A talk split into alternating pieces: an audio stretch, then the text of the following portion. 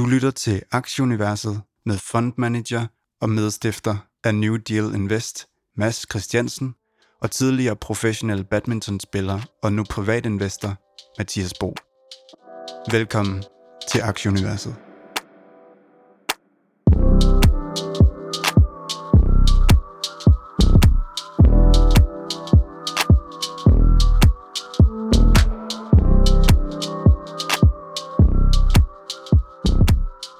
Du lytter til podcasten Aktieuniverset. 61. 20. udgave er det i dag, og fredag den 26. Øh, i 11. Klokken er cirka 19 dansk tid, og det betyder, at vi også får luk med i USA, der kører på halv plus i dag på grund af Thanksgiving. Rædderlig uge igen, desværre. der var noget rentestigning i starten af ugen, så var der rentefald i dag, og øh, så er man sandt, om der desværre også er kommet en, en ny øh, coronavariant. Det er virkelig noget, der, der ryster markederne. Mads, øh, vi kan vel ikke gøre så meget andet end bare at, at, at vente til, til træet er, er stoppet med at ryste, eller, eller hvad tænker du om det? Nej, ikke, ikke den generelle øh, tese der. Øh, det er virkelig, og der er det her, øh, altså der er det her øh, obligationstilbagekøb og alt sådan noget i USA også, som, øh, som de begynder at skrue ned for og så videre, og det, det plejer sådan at være der omkring, at, at toppen bliver nået. Ham, der hedder Pus Saxena øh, på Twitter, han, han taler meget for, at, at, der kommer en, øh, at der kommer en korrektion nu, eller en decideret nedtur, øh, som, som følger det her. Jeg synes, når man, når man kigger ned i, i de her øh, små tech-aktier, som allerede er blevet slagtet i løbet af året, så synes jeg, det er svært at forestille sig, at de bare skal 85 procent mere ned, fordi så ligger jeg godt nok i fosterstilling et eller andet sted øh, og, og, og græder. Men, men når så, at, at, nu, at, at lige pludselig nu, så er det så, er det så coronatid igen, og så, øh, og så synes jeg, det er super spændende. Betyder det så, at man skal skynde sig at købe corona-aktierne, eller hvad i alverden øh, skal man? Og, og altså, hvis det er et ordentligt spil, man spiller, altså for eksempel poker, så har man jo det her leveling, øh, som, som, øh, som man snakker om. Så, så hvis, altså, hvis man skal være et niveau over det, der er oplagt for ham, man spiller imod, så hvis det lige nu er oplagt, at, at øh, corona-aktierne de skal op, og de ikke bare stiger ind i himlen nu, altså så kan man godt blive sådan lidt, ah, er der nogen, der er smartere end mig, der lige ved et eller andet her, og sådan noget. Så, så jeg synes, det er lidt, øh, jeg synes, det er svært. Jeg, jeg synes generelt, at øh, Meal Kit er blevet udbombet, øh, og Øh, Delivery Hero har også været svag. Så jeg synes egentlig, der er mange af de aktier, som, øh, som vi taler om her, som godt kunne have lidt glæde af, af, at, at folk de blev hjemme og gik på arbejde hjemmefra og, og så videre, så, øhm, og måske ikke havde så meget lyst til at komme i supermarkedet og sådan noget, så ja, som, som, ja, ja, så jeg, jeg tror at man skal tænke over, hvad det er, man, øh, hvad det er, man ligger med i sin øh, portefølje. I dag skal vi øh, lige rundt om øh, lidt øh, good food nyheder. Vi har noget Zoom-regnskab. Så har vi lavet interview med Jakob Skåning fra kryptofonden ARK36, og ham skal vi så sjovt nok tale lidt krypto med. Øhm, hvis vi sådan lige starter på de overordnede toner. Øhm, S&P'en bakker 2,5%, DAO 2,8%, Nasdaq 3,2%, DAX'en 5,6%, Øh, C20 omkring 4%. Den 10-årige rente er nu nede i 1,51 fra, øh, ja, jeg tror den faldt 10% eller sådan noget i dag. Og, øh, og ja, øh, starten af ugen, der var det så præget af, at den, den steg ret kraftigt. Olien er, er bakket fuldstændig på det her coronavariant nyheder, ligger, ligger under 70 dollar i USA, 11% nede for, for i dag. Så, øh, så det, det er voldsomt det er ikke, øh, det er ikke noget, man har, man har lyst til at kigge alt for meget på sin portefølje i dag. Der har man bare lyst til at gå tidligt i seng, og så bare håbe, at det, at det ser anderledes ud i starten af næste uge. Så det må vi, det må vi krydse fingre for. Men øhm, der var en lille smule comeback, Mads, til, til Good Food. Øh, onsdag var, var stærk, op øh, 14 procent. Kan du ikke lige tage os igennem, hvad der skete? Jo, jeg har bare fulgt øh, sådan den der chatter, der er derinde. Jeg kan godt lige bare lytte til, hvad, hvad siger den ene lejr, og hvad siger den anden lejr. Altså, og, øh, og der er sådan en lejr, øh, som... Øh, nej, hvis man starter et andet sted. Hvis man lytter til øh, Jonathan Ferrari på deres øh, earnings call, så siger han basically, at, øh, at, at de er ved at dreje skuden over imod quick commerce, altså de her dark stores og sådan nogle ting fra meal kits, og det er det, de satser på. De har fundet ud af, at der er god økonomi i det, de har testet det, og det har de brugt to år nu på at bygge. Øhm, når man så hører markedsdeltagerne, så er der nogen, som det kommer sindssygt meget bag på, at øh, de er i gang med det, og at, at, øh, at de ikke har konkurreret særlig meget med øh, Hello Fresh i Canada om, om markedsandele, derfor har tabt markedsandele. Jonathan Ferrari mener simpelthen ikke, at, at det giver mening, når de alligevel skal have en anden type forretning ned ad vejen. Øhm, så, så man sælger ud der, og så, så kalder man det on demand, altså øhm, øhm, øhm, øh, quick commerce, det er, det er on demand, og, og meal kit, øh, det, det, er, altså det, det er sådan et, et abonnement eller sådan noget, man bestiller forud. Og så taler man om de her to forskellige ting, i stedet for at kalde det quick commerce, og jeg bliver sådan lidt, ja, altså jeg bliver, det er sgu lidt fjollet, altså fordi at i Europa, så er gorillas det, er det helt hotte, øh, men, men når, når, øh, når, når Good Food så gør det i Canada, og ikke rigtig har konkurrence, så er investorerne sådan, det er selvfølgelig nogle andre investorer, men de er sådan, ej, det gider vi ikke, det gider vi simpelthen ikke have, så nu kaster vi bare aktierne ud af vinduet. Så jeg tror, øh, jeg tror Good Food er, er et virkelig spændende køb nu her øh, på den lange bane, fordi det er slet ikke priset ind, at, at, at at de rent faktisk ved, hvad de laver. Det er som om aktionærerne står udefra og kigger ind, og så siger, ej, de forstår ikke noget, de der gutter der.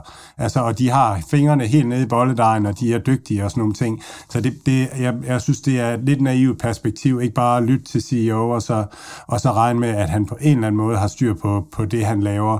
Så ja, det var sådan lidt galle her for mig. Nogen, der har klaret det så nogenlunde i dag, det er, øh, det er de her stay-at-home-aktier. Peloton er oppe, øh, Zoom har også været god. Vi, vi kommer tilbage til Zoom-regnskabet om lidt, som, øh, øh men, øh, men god dag for, for Zoom. Pfizer, øh, medicinalaktierne stiger også. De, de store corona, øh, øh, hvad hedder det, øh, ja, vaccineproducenter, de, de klarer det godt. Jeg tror, at Pfizer er op omkring en, en 7% i dag. Øh, noget, der heller ikke kan holde, øh, holde vand ud af båden af, af kryptoen her. 54.000 cirka for, for bitcoin, og ethereum er i 4.000. Det er billigt. Ja, det, det, det er et fund for de penge. Jeg har selvfølgelig en, øh, en, en dybere snak med Jakob omkring det her, så jeg tror ikke lige, vi har mere tilføjet til, øh, til kryptoen, men ja, det er, det er også påvirket af, af den her coronavariant og et, et stort sell-off. Ja, det, det er vigtigt lige at, at give Jakob det, øh, at, at vi uh, interviewede Jakob i onsdags, uh, så inden ja, alt det ja, her. I går, så, i går. Så, eller i går, ja. Så alt det, der, der er sket nu her, det, det har han ikke sådan lige uh, haft med i, i, i hans beregninger. En, øh, en, en spændende aktie, vi har været omkring en del, men, men ikke har talt så meget om på det seneste, Mads, det er Evolution Gaming op i uh, Sverige. Den har haft en rigtig, rigtig dårlig uge. uh, kurs 900 nu, jeg tror i mandags var den i 14, 1400. Jeg har uh, fulgt, uh, jeg følger Magnus Andersson, ham Louis Mannheim, som vi også har haft med inde på Twitter. Han ved rigtig meget om den, og han, jeg tror nærmest, han er ved at falde ned af stolen over, hvor, hvor billig uh, den er, og han er, han er meget positiv på den men, men så var der lidt nyheder ude i dag om noget potentielt snyd et eller andet, så kan du ikke lige øh, fortælle os lidt om, hvad det går ud på? Jo, altså der er, øh, der er sådan der er krav fra, fra staterne om at eller fra regulatorerne staterne om at at nogle af selskaberne, de må ikke have noget med med grå markeder. Man taler om hvide, grå og sorte markeder. Og det er sådan øh, de hvide markeder, det er dem der er reguleret helt i orden, og så er der nogle grå der sådan er er tålige, og så er der nogle sorte som bare er er fy fy.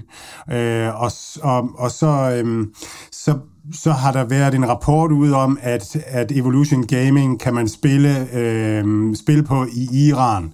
Øhm, og, øhm, og det er sådan, altså Evolution Gaming siger, at det er et setup, at, at man har brugt en VPN-tunnel til at, at maskere, hvor man egentlig kommer fra til at oprette kontoen osv., så, så ind i spillet, så har man lukket den der VPN ned og fortsat med at spille i browseren, og så ser det ud som om, at Evolution Gaming egentlig leger en, altså, at man kan spille deres spil i, i Iran, og det vil, det vil, altså, det vil amerikanske regulatorer ikke være med til, altså det er jo, det er jo politisk, så siger, de, så siger de bare nej tak, og det vil de ikke risikere at lægge navn til. Men Øhm, men, men Evolution Gaming er også ude at sige, at det er jo egentlig, øh, det er jo egentlig spiludbyderne, øh, operatørerne, der skal sikre, at deres klienter øh, kommer, at, at dem de er, og kommer fra det rigtige land og sådan nogle ting. Men, øh, men der er virkelig stor, stor hej, og, og markedet er sådan delt øh, i holdning omkring, om det her er en storm i et glas vand, eller om det kommer til at betyde, at Evolution Gaming er nødt til at lukke ned for alt det, som kan være gråt øh, og, og, øhm, og eller sort. Og det vil sige, for en vis grad Asien, øh, og det er derude en del af væksten kommer, øh, for, altså, hvis man vil fastholde det amerikanske marked. Og det er der nogen, der siger, og, og nogen mener ikke, at, at det er sådan. Øh, jeg har personligt sådan den holdning, at, at jeg synes de fleste gange, at sådan noget her ligesom øh, tager markedets øh, opmærksomhed, og, og folk kaster om sig med aktier og sælger dem for hvad som helst. Altså det har en tendens til at være, være gode tidspunkter at købe på, i hvert fald hvis man er langsigtet. Så, øh, så, så jeg skal ikke kunne udtale mig om, hvordan det kommer til at gå, og hvad der er rigtigt eller forkert, men jeg har da, jeg har da øget en lille smule her øh, under 1000, fordi det, det synes jeg bare, når man sådan kigger på grafen, så virker det bare interessant der, øh, sådan uden at, at vide så meget. Og som så, så tror jeg, det er en meget god, sådan pragmatisk måde at have, og det er den måde, man kan udnytte at være langsigtet på, at man bare lukker øjnene og så, og så køber, når det ser, ser rigtig billigt ud historisk. Jeg tror også, at det var en enten Morgan Stanley, jeg tror det var Morgan Stanley eller JP Morgan, der havde uh, kurstarget på 1900 ude omkring, så man kan sige, ja. at de, de, de, de, tror i hvert fald, uh, de tror i hvert fald meget på aktien, at, at minimum dobles for her, så de må, de må også sidde og, og klare det over. Ja, det var Bank of America. Og Bank of America, de sagde, ja. ja. de sagde, det, var, det, det her det var bare noget pjat. Så de, de sagde bare køb. Og så er det, man skal spørge sig selv om Bank of America, de har en helt trillebør fuld af, af Evolution Gaming-aktier, de skal af med, eller, eller hvad det lige er, der foregår. Så det er aldrig til at blive klog på det her. Nej, det er det ikke. Men øh, i hvert fald spændende aktie. Det er, den har virkelig taget det, det svenske marked med storm og blevet, da den lå op i de her 1600, var jeg, ja, så vidt jeg ved, en af de, de største svenske aktier overhovedet. Så nu den, nu den trillet lidt ned igen. Men øh, ja, 30, 30 procent på en uge, det er, det, det er meget, meget voldsomt. Mads, jeg tror egentlig øh, ikke, jeg har mere til nyhederne, så jeg synes egentlig måske bare, at vi skal få Jakob på til en øh, kryptosnak. Ja, lige præcis. Super, super spændende interview med Jakob.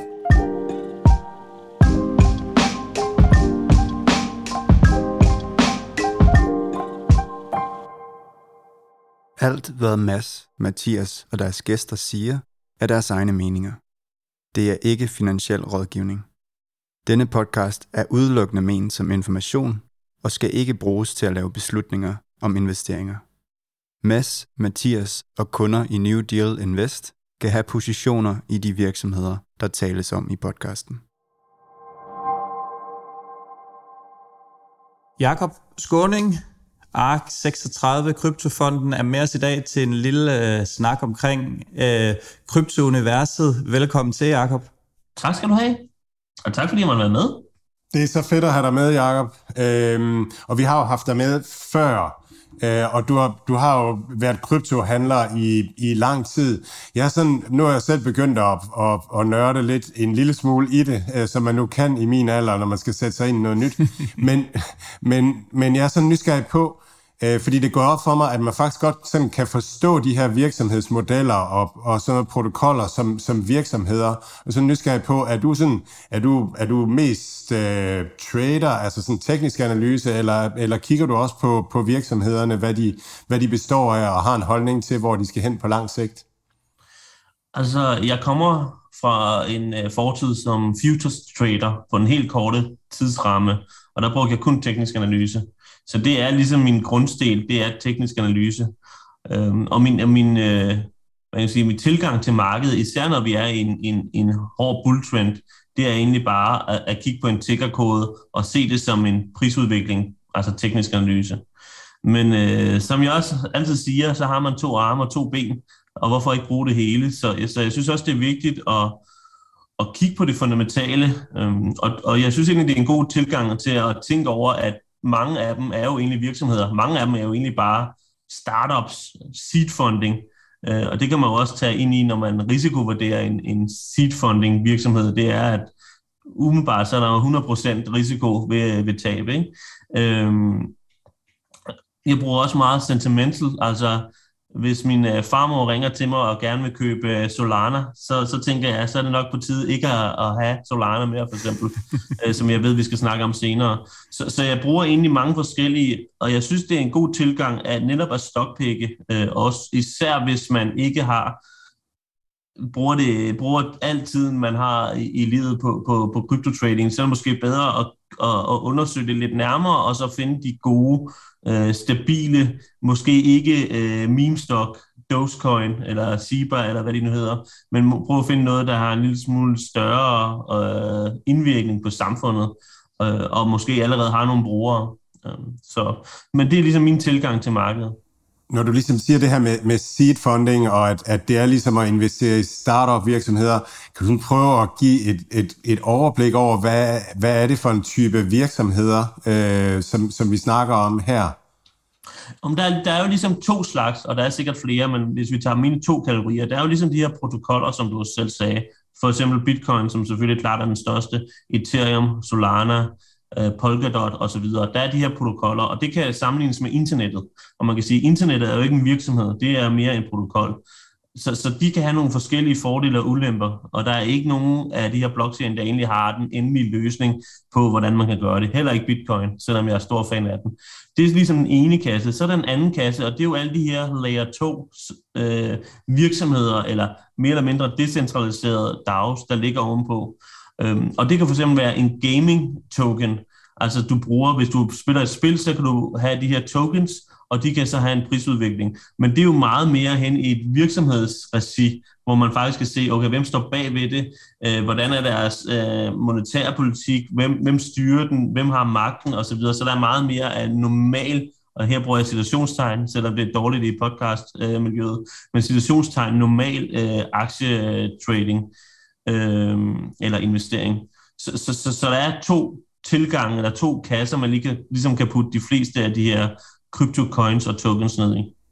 Så du siger, altså der er de der store protokoller, som vi snakker om, som ligesom laver, laver de her blockchains, som ligesom er, er grundlaget, det er dem, du kalder layer 1. Og så er ja, det er der... internettet, ikke? Altså det, ja. det, det, er, det er her internettet. Øhm, ja. og, og det forskellen fra internettet, så kan du så investere i dem her. Øhm, så det er layer 1, ja. Så der er, der er faktisk flere forskellige øh, Web3-internet, der bliver bygget nu?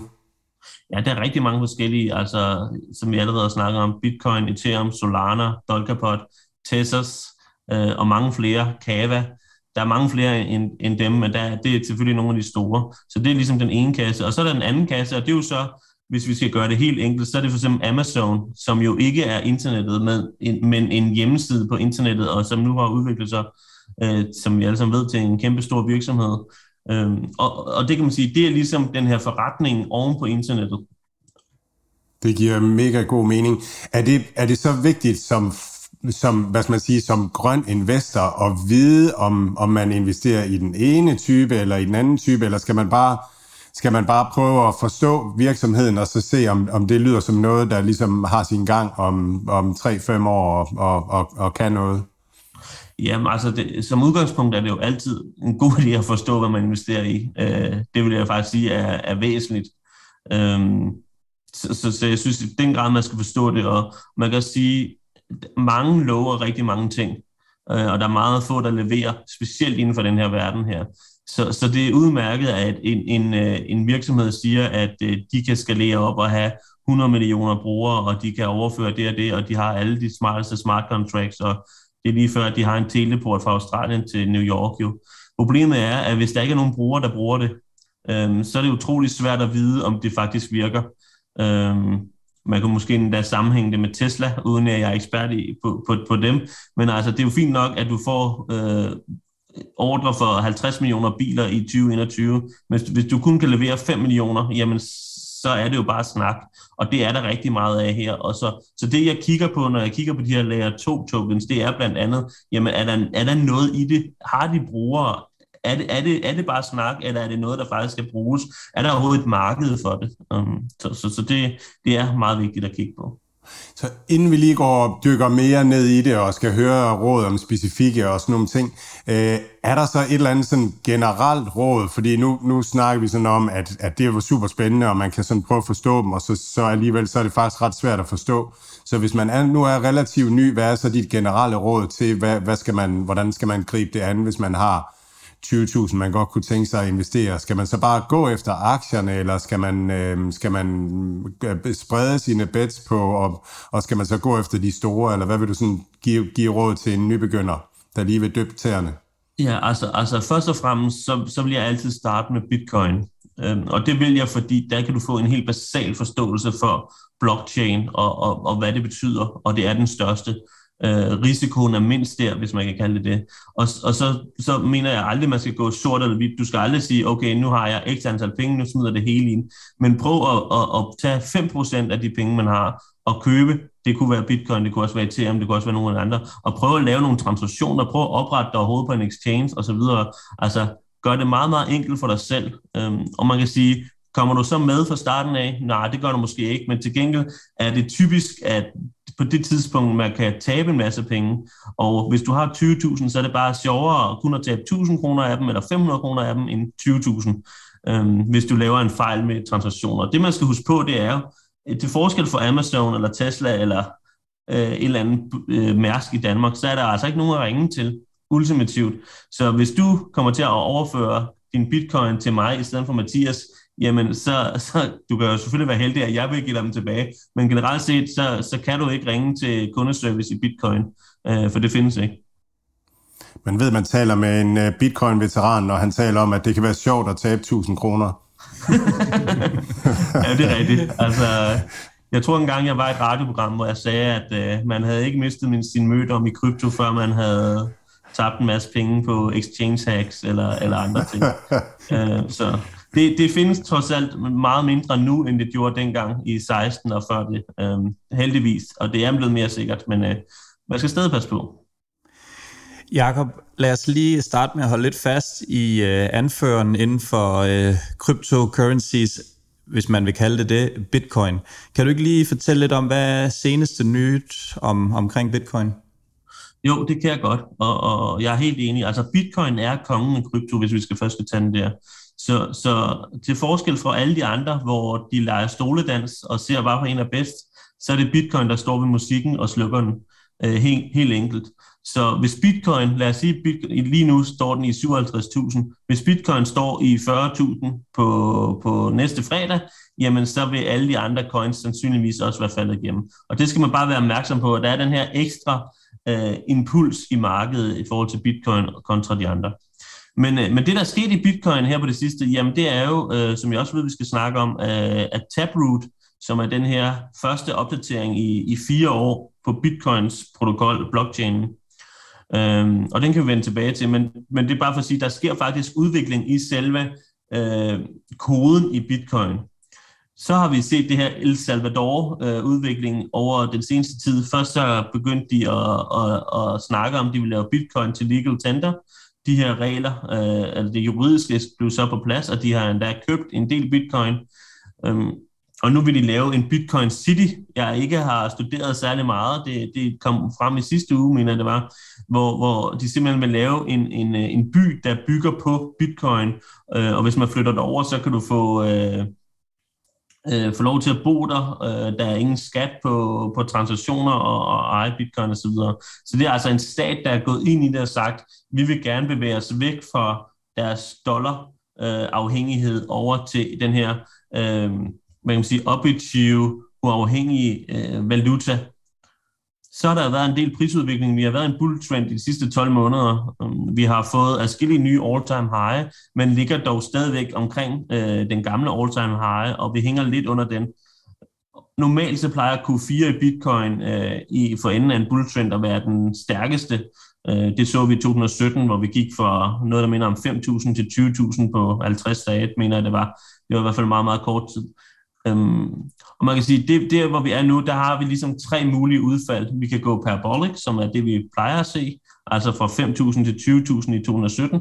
Hvad det så end er her, det, det skal jeg ikke kunne sige. Øhm, så kan vi fortsætte en bull trend ind i to, 2022. Øhm, det vil være en anomalitet. Det vil ikke være det, der normalt sker.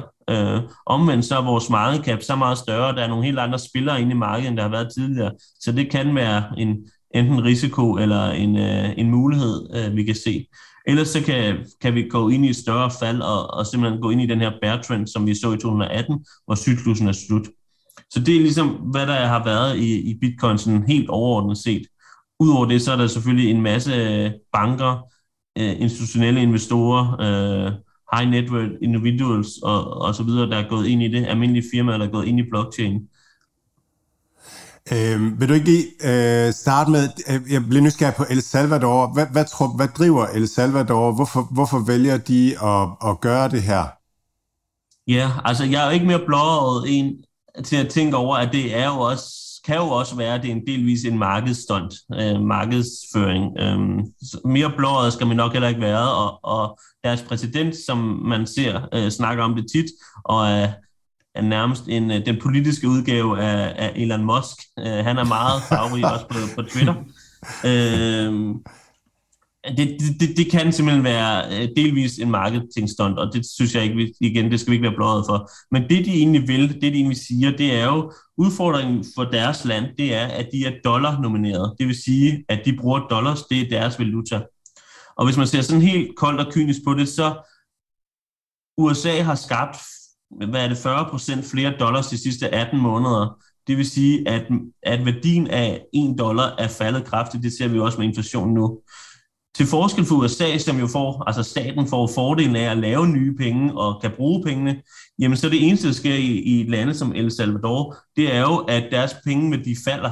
De får jo ikke nogen af de her penge her. Deres værdi falder bare. Øhm, og det er jo en kæmpe risiko for et lille land på 6 millioner mennesker. Så man kan sige, den tanken er vel, at de gerne vil have en valuta, som ikke er afhængig af andre lande. Og det er bare meget svært at, at, at få, det er meget svært at skabe sin egen valuta. Vi ser i Venezuela, hvordan det går med deres egen valuta. Og så har de set bitcoin som en, en non-government, decentraliseret, øh, sikker borderless øh, måde at, at, at have sin egen valuta, og, og hvor de egentlig også selv kan skabe deres valuta. De snakker meget om, at de vil bruge vulkaner, altså energien fra vulkaner, til at lave bitcoin mining. Det er ikke noget, jeg har dykket dybt ned i, og det virker også en lille smule poppet, men, men, men sikkert også rigtigt. Altså det, jeg, jeg tror på dem, at de vil det, men igen, halv marketing, halv virkelighed måske ikke. Men det, det, det er i nogle af de grunde til, at, at El Salvador er det sted, hvor de er. Og, og, og de er jo kun et land ud af mange, som i virkeligheden kunne få udnyttelse af, af bitcoin. Det er i hvert fald kompliceret økonomisk, når man begynder sådan en stats, øh, altså at lægge, lægge sin økonomi over på, på, på sådan en, en anderledes øh, form for valuta. Men Jacob, du, sådan, du snakkede om tre forskellige scenarier. Altså du snakkede om et parabolisk scenarie, så snakkede du om et, øh, et sådan et, et fortsat bull, bull scenarie, og så snakker du om, at, at, at det kan bryde sammen. Kan du prøve sådan at, altså jeg ved godt, at hvis du vidste, hvad der, hvad der blev været, så, så var det jo uh, relativt nemt, men så det, det gør man jo ikke, det er jo det, der skaber et marked. Men kan du prøve at sætte ord på, ligesom hvad der, hvad der taler for og imod det ene og det andet og det tredje scenarie? Ja, det kan du tro. Jamen altså, det, det er her, hvor jeg altid får kritik, fordi jeg aldrig siger rigtigt, det her kommer til at ske. Mm. Øh, men, men det der er med det, det er, det er sådan her, jeg tænker. Jeg tænker aldrig i ultimativer. Så det er sådan, jeg prøver at, at lægge en plan ind og sige, okay, hvis det her sker, vil jeg gøre det, og hvis det her sker, vil jeg gøre det. Og sådan have en plan for ligegyldigt, hvad der kan ske. Øh, det er som et udgangspunkt i markedet. Men lad os bare tage det. Altså parabolic move, øh, altså som jeg sagde, vi så i 2017, hvor jeg stod inde i TV2 News og klodede mig, og der kommer artikler ud, der sagde, alle bliver rige ud over dig. Øh, det er jo sådan en typisk måde, hvor bitcoin slutter en cyklus på. Det så vi to gange i 2013, og vi så det i 2017. Man kan sige, det er normalen. Det, det, det, udfordringen med den teori, som jeg egentlig hele tiden har held til, skal det være. Så, så hvis jeg skulle have sagt øh, for otte måneder siden, hvad jeg havde held til, så er det den her teori her. Men det, der er sket, det er, øh, det går bare lidt for langsomt lige nu. Vi, vi burde have været, igen situationstegn, højere op, og vi burde have set øh, et større influx af mennesker, og prisen udvikler sig hurtigere, end vi har set nu. Øh, så det er heller måske en lille smule mindre til den nu. Øh, den kan stadig komme, men, men og, og spørgsmålet er, slutter den så i, i, til nytår øh, 2021, eller starter den 1. december, og så først slutter øh, 31. januar, eller det, det kan jo stadigvæk ske, men så, så det er ligesom den kasse. Den jeg måske hælder mest til lige nu, øh, uden at sætte procenter på, det er egentlig den her bulltrend ind i 2022. Fordi vi egentlig har set en sund bulltrend øh, i rigtig, rigtig lang tid i, i bitcoin-markedet. Og fordi vi ikke er gået parabolic, som vil være den normale, øh, den normale ende på et, et parabolic, eller på et bull trend, så er det egentlig den, jeg hænder til. Og fordi vi ser, og jeg ved ikke, om man skal passe meget på at sige, at this time is different. Øh, og jeg har altid sagt til alle mennesker, at hver gang de siger det, så, så, så tænker jeg, så er det det ikke. Øhm, så, det, så det er heller ikke for at kalde det, men, men det vi har nu i markedet er bare institutionelle investorer. Vi har set ETF'er, som dog ikke er spot-afhængige, øh, men, men dog banker og, og, og stater kommer ind i markedet. Vi har set store hedgefonde. Nu kan jeg ikke huske tallene, men der var en, en undersøgelse ude med, at jeg kan ikke huske tallene, men det var noget med 30 procent af hedgefonde over 1 milliard havde 1 dollar, eller, eller 1 procent allokering til krypto. Om tallene er 100% korrekte, det kan jeg ikke huske, men det var i hvert fald, det det egentlig viste, var bare, at det var, det var meget udbredt. Det var ikke bare 10 øh, IT-møder nede i en kælder. Det er slet ikke det, vi snakker om nu.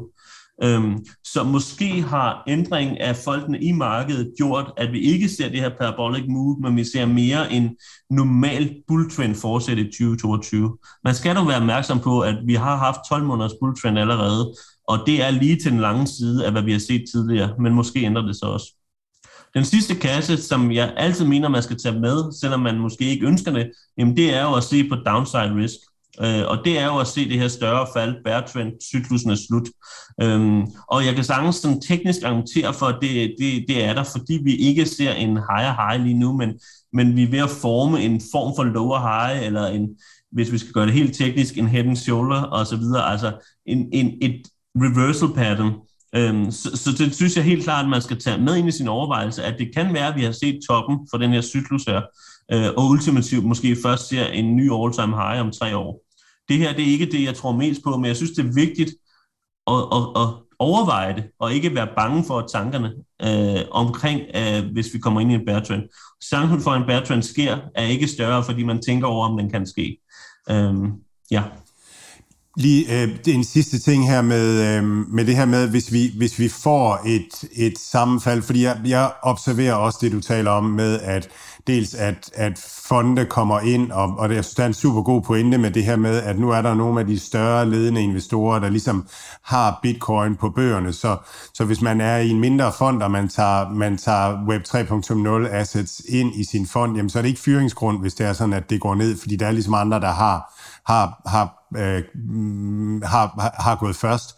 Så det virker som om, at, at der er en stor influx, og også blandt private og folk på min alder er også på vej ind og, og sådan nogle ting. Og det kan jo være tegn på en, på en, en top, øh, eller sådan en, en blowout top, men, men det er jo ikke sådan, at, at man har fornemmelsen af, at alle folk tror, at at bitcoin og, og krypto er løsningen på alt her i verden, så, så man har heller ikke den der øh, Øh, bobbelfornemmelse, synes, synes jeg ikke i hvert fald. Men det, jeg egentlig ville spørge dig om, det var, det var nedturen, om, om den her, hvad skal man sige, den her lidt mere institutionelle, øh, velfunderede øh, øh, ejerkreds, om, om det gør, gør noget ved neds øh, downside-scenariet, som du eventuelt tænker, at, at man kan se ind i? Jo, altså helt sådan helt teknisk, så, så hvor højere op et parabolic move er, hvor, hvor større og hvor længere tid vil et, et fald typisk være og vare. Øhm, så man kan sige, hvis vi har set toppen nu, og jeg er helt enig med dig, at vi er, virker ikke som om, vi er i en boble, øh, sådan rent bitcoin-wise. Hvis det var et aktiemarked, havde det været noget andet, men sådan rent krypto-wise, så, så, så, så mener det ikke om en boble. Vi havde en, en lille parabolic move her i foråret, men, men det er ikke rigtig en øh, alle bliver rige ud over dig øh, et boble, vi har set. Øhm, så man kan sige, hvis toppen er der nu, jamen så er det jo en ændring i, hvordan markedet agerer, Øhm, og, og så er mit umiddelbart gæt er, at vi måske ikke ser et 80% fald og, og, og en bear trend det næste år, og så et år et flat, men måske ser en mere øhm, kan jeg sige, bare for at sætte nogle tal på, uden at, at det skal være sådan præcis, men så kan det være, at det kun er et 50% fald, og vi måske ser 6 øh, måneder bear trend, og så 3 måneders øh, flad, og så måske køre videre op. Altså, så som, som udgangspunkt, og det er jo det, både det gode og det dårlige ved parabolic move, at det er rigtig sjovt, når det sker, men omvendt, når det så øh, brænder sammen, jamen så bliver modreaktionen altså pendulet så også meget mere den anden retning end normalt. Øhm, så så det, det, det kan være, at det ændrer sig, helt sikkert. Og, og, og som generelt set, hvis vi ikke bare skal tænke på, øh, hvordan øh, markedet udvikler sig de næste to måneder, men se, hvordan markedet udvikler sig de næste 10 år, jamen så er et parabolic move jo ikke det sundeste. Så er en normal bull trend, øh, run og retracement, meget, meget sundere for et marked. Jeg tror, øh, det som vi også plejer at sige til vores lyttere med aktieinvestering, hvis, hvis man vil ind og prøve at daytrade eller swingtrade det her krypto, så kommer man med meget, meget stor sandsynlighed ud som taber, øh, og man lige rammer et, en, øh, en bear trend, som, som vi også har set tidligere i 2017, så vil vi stadigvæk være tilbage i, i all-time high nu, så det, det er nok ikke meget anderledes end, end aktiemarkedet køb, hvis du tror på det her over lang sigt, og hvis du ikke gør det, så, øh, så vent, og hvis der så kommer et setback, jamen så kan man måske prøve at investere ind i det over et, et, en lidt kortere periode. Øhm, Jakob, jeg kunne rigtig godt tænke mig lige at tale lidt om den her øh, opdatering af protokollen. Jeg tror, at vores lyttere, de fleste, som ikke allerede har zonet ud nu, fordi de synes, at kryptospace er noget værd lort, og, øh, og hvad hedder det nu, er en tulipanboble og alle mulige andre øh, klichéer, som, som der bliver brugt omkring det her, de er med. Men kan du ikke lige fortælle øh, praktisk, hvordan foregår sådan en opdatering, og, og hvorfor øh, er det nødvendigt at gøre det, eller hvorfor bliver det gjort? Jo, det kan jeg godt. Øh, og lad mig skynde mig at sige, et, jeg er ikke ekspert på området, og to, det er super, super teknisk, hvis man først går i gang med at, at, at forklare selve opdateringen. Øh, men lad os prøve at holde det på sådan en relativt overfladisk. Så til forskel for, hvor mange tror, øh, folk siger, at bitcoin er ikke reguleret, og der er ikke nogen regler osv., det er helt, helt forkert. Den eneste forskel for bitcoin og stater, det er, at det ikke er staten, der, der bestemmer, hvad regulering er i bitcoin. Fordi bitcoin og blockchain er super reguleret. Faktisk er det måske det mest regulerede, der findes i verden. Fordi du kan kun gøre det på en måde, og hvis du gør det forkert, så bliver du straffet. Øh, og i det her tilfælde så økonomisk. Hvis man skal lave en opdatering på bitcoins blockchain, så kan det foregå på to forskellige måder. Øhm, og jeg skal nok prøve at holde det meget simpelt, men det, der er noget, der hedder en hard fork, og en hard fork, det betyder, at det her, det skal du opdatere, ellers så bliver du smidt ud. Det vil sige, at den er ikke baglængskompatibel. Det vil sige, at vi laver et nyt sæt regler, og så skal du opdatere til at bruge de regler, ellers kan du ikke bruge bitcoin mere. Så det er den hårde, det er den voldsomme måde at opdatere øhm, blockchain-protokollen på. Øhm, det gode ved den, det er, at man kan opdatere mange forskellige ting og meget, lave meget større opdateringer. Det er den ene side. Den anden side, det er noget, der hedder en soft fork. Og en soft fork, som det også virker, det er den bløde udgave. Det vil sige, at man kan ikke opdatere helt så mange ting, til gengæld er den bagudkompatibel. Det vil sige, at du kan blive på din, den kode, den, de regelsæt, du har nu, og bruge bitcoin fuldstændig som plejer, eller du kan opdatere til den, de nye regler, og bruge bitcoin fuldstændig som plejer, og de to ting arbejder ligesom sammen. Så det vi så, den her opdatering, er noget, der hedder Taproot, og Bitcoin har det med at bruge nogle rigtig sjove ord. Vi kommer til at bruge et endnu sjovere ord lige om lidt. Men Taproot øh, var en soft fork. Det vil sige, at det var en opdatering, der kom ud, og da der var nok tilhængere af det, øh, og det, det, det skete her i juni måned, der blev det ligesom øh, godkendt, og her midt i november, der blev den aktiveret, så nu er den en del af blockchainen. Så Taproot er, som jeg igen sagde, super, super teknisk, den består af flere, flere forskellige opdateringer. Den største og vigtigste er noget, der hedder Snore Signature.